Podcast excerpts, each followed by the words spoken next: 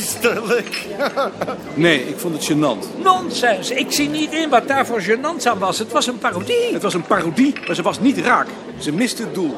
Als je vader wilt parodiëren, dan moet je dat heel anders doen. Dat zie ik niet in. Daar ben ik het volstrekt niet mee eens. Het is een prima stel. Dat zeg ik niet, daar heb ik het niet over. En zoals ze dat in korte tijd op de plank hebben gebracht, dat is grote klasse. Wat ze absoluut niet gezien hebben, is dat vader zich in deze baan doodongelukkig voelt. Sinds hij hoofdredacteur is, heeft hij nooit meer een aap nagedaan. En toch was dat zijn beste creatie. Wat wilt u hebben, vader? Als je zo redeneert als jij, blijft er weinig over. Niks. Geef mij maar een glas tonic. En wilt u ook een snack? Nee, geef maar wat. Voor mij een oude graag. Voor mij ook een oude graag. En denk erom dat je niet dronken wordt zo midden op de middag. Wat je vader te weinig drinkt, drink ik te veel. Dag koning. Nee, maar...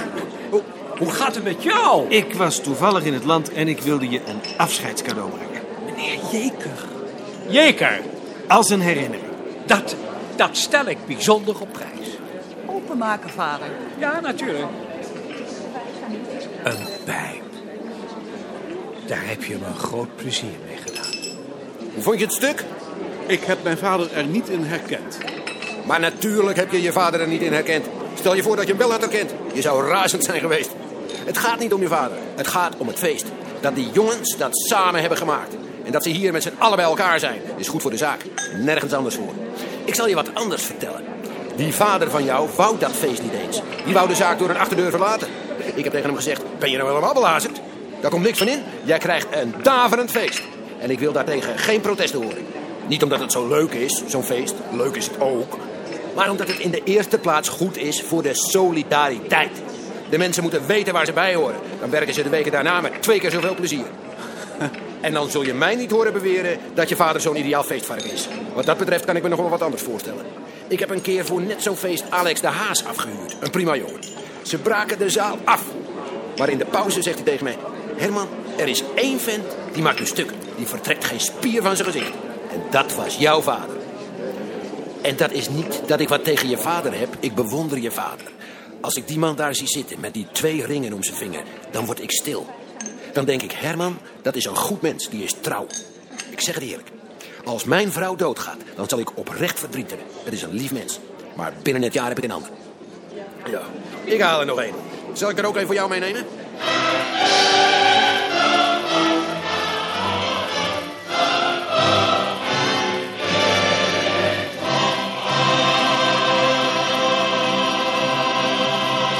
Hier is Joop Simons in Evian. Morgen begint hier dan eindelijk de conferentie tussen Fransen en Algerijnse opstandelingen over de toekomst van Algerije. Eén ding staat daarbij vast. Algerije wordt onafhankelijk. Waar men met ingang van morgen hier in Evian over gaat praten is op welke manier, in welke vorm, met of tegen Frankrijk. Dat zal jij ook wel willen tekenen. Protest tegen de gruweldaden van het Franse leger in Algerije. Beerta, Ravelli, Bruin, Balk, Meijering, Gruiter, Ypres, Haan, Ansing. Nee, dat teken ik niet. Zoals je wilt. Als Slofstra met die lijst was rondgegaan, had niemand getekend. Ik vind dat een directeur dat niet moet doen. Slofstra heeft niet getekend. Slofstra is rechts. Als dit links is, dan is het links op een koopje. Ik heb er nota van genomen. Het staat evenmin vast of de gesprekken tijdens de Pinksterdagen zullen worden voortgezet. Evenmin of er dinsdag gepraat zal worden, want dan is het een Mohammedaanse feestdag. Veel, zeer veel, staat dus niet vast. Maar wat wel vaststaat, is dat de dag van morgen zeer grote betekenis zal hebben. Niet alleen om de sfeer die er rondom de conferentietafel zal heersen, maar ook om wat er al of niet gaat gebeuren hier in Evian, in Parijs en in Algerije zelf. Jij hebt die lijst voor Algerije getekend? Ja. Mag dat niet? Jawel. Jij hebt niet getekend. Nee. Waarom niet? In de eerste plaats omdat ik er niets van af weet. Ik ben ervan uitgegaan dat Beerta er wat vanaf weet. Maar ik denk vooral omdat het me tegenstaat. Als ik die namen zie, dan weet ik dat de een naar de ander zou afvallen als het dichterbij zou komen. Algerije. Daar kan iedereen wel voor tekenen. Daar kan je geen buil aan vallen. Als iedereen er zo over dacht. Denk je dat dat iets zou uitmaken? Nee, dat denk ik niet. Daarom. De Frans-Algerijnse vredesonderhandelingen komen moeizaam op gang. In de loop van dinsdag zijn beide delegaties ongeveer drie uur bijeen geweest om, net als op de eerste onderhandelingsdag van zaterdag, te spreken over algemene zaken.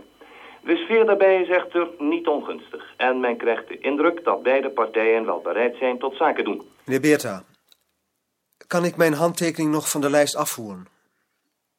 Hoezo? Je hebt toch getekend? Maarten heeft mij ervan overtuigd dat het niet juist was.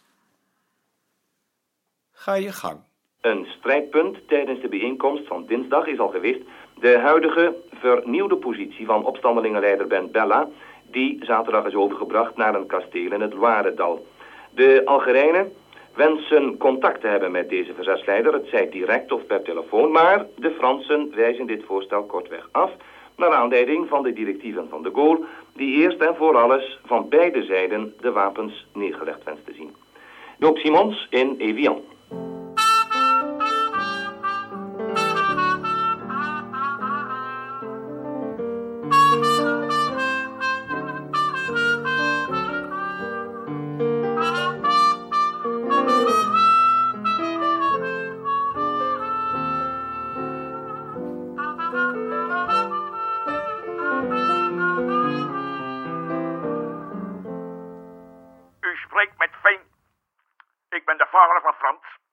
Dag, meneer Veen. Dag, meneer Koning. U zult zich afvragen waarom ik u opbel, maar Frans zit in de Valeriuskliniek. In de Valeriuskliniek? U begrijpt het wel. Wat is er dan met hem? Koning Oedipus, hè? En nu zou hij het prettig vinden als u en uw vrouw hem eens een bezoek wilden brengen. Als u daartoe genegen bent natuurlijk.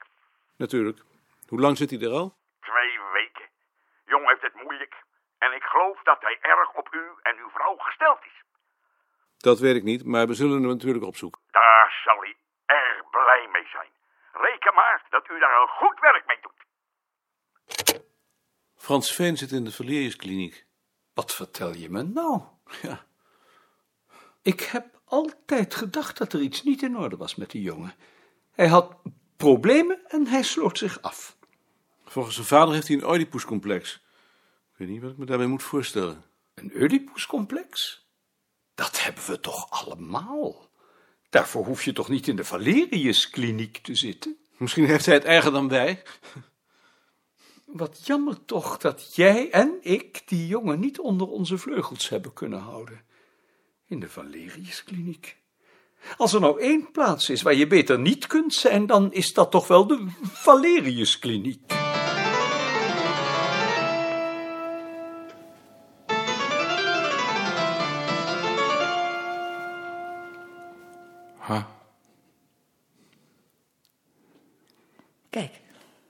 Hebben we voor je meegenomen.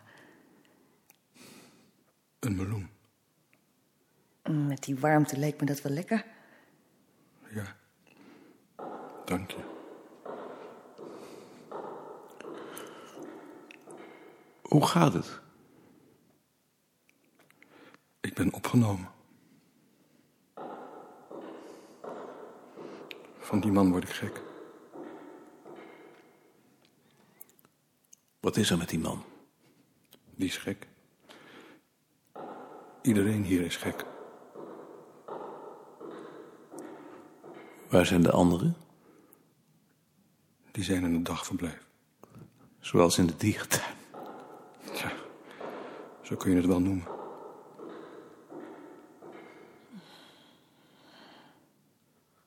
Wat was je aan het lezen? De Waves. Dat is mythes, hè? Ja. Hoe gaat het nu met jullie?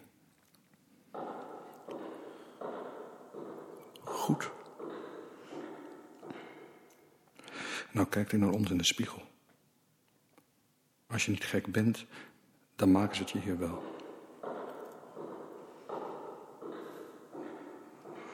Het is hier benauwd. Kan er geen raam open?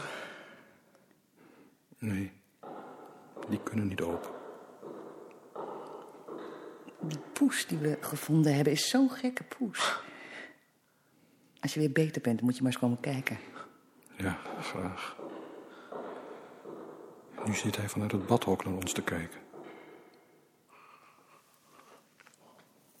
Hoe gaat het op het bureau? Goed. Nijhuis ligt ook in het ziekenhuis. Vanaf januari al.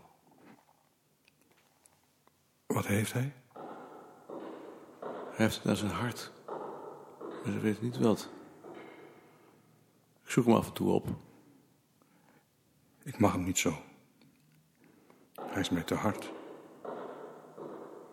Maar ook voor zichzelf. Ja, daar houd ik niet zo van. Die mensen die zo hard zijn voor zichzelf, daar is iets mee. Denk je niet? Die krijgen het aan hun hart. Ja, misschien ook. Ja, dat is niet prettig. Mag je er nooit eens uit? Ik zou er graag eens een weekend uit willen, maar ik weet niet waarheen. Naar mijn ouders wil ik liever niet. En mijn broer wil me niet hebben voor de kinderen. Maar dan kom je toch bij ons? Kan dat? Natuurlijk. Dat zou ik wel erg prettig vinden. Wat doen ze hier nou eigenlijk met je? Observeren. Praten? Ja, ook wel praten. Wat heb je dan precies? Ben je in de war? Of heb je angsten? Of hoor je stemmen? Ik weet het eigenlijk niet. Vooral angstig, geloof ik. En ook wel dat ik somber ben. Jij bent toch ook wel een somber? Ja. Maar ik zie niet in de verleerskliniek. Nee, ik wel natuurlijk. Volgens de psychiater ben ik gestoord in mijn sociale contacten. Dus dat zal dan wel zo zijn. Denk je ook niet? Ik ben ook gestoord in mijn sociale contacten. Ja, daarom. Misschien is het allemaal wel onzin. Ik heb jullie nog niet zo'n aardige brief geschreven, hè? Ja. Daar hoeven we toch niet meer over te praten, hè? Nee, als je maar niet denkt dat iemand zich er wat van aantrekt als je zelfmoord pleegt. Je vergis je als je denkt dat je zo wraak kunt nemen. Dat dacht ik ook niet. Ik was alleen bang dat jullie allemaal bij me zouden blijven. En daarom wilde ik dat ongedaan maken. Dat begrijp je misschien niet, hè? Nee. Het is misschien ook wel een beetje mystiek.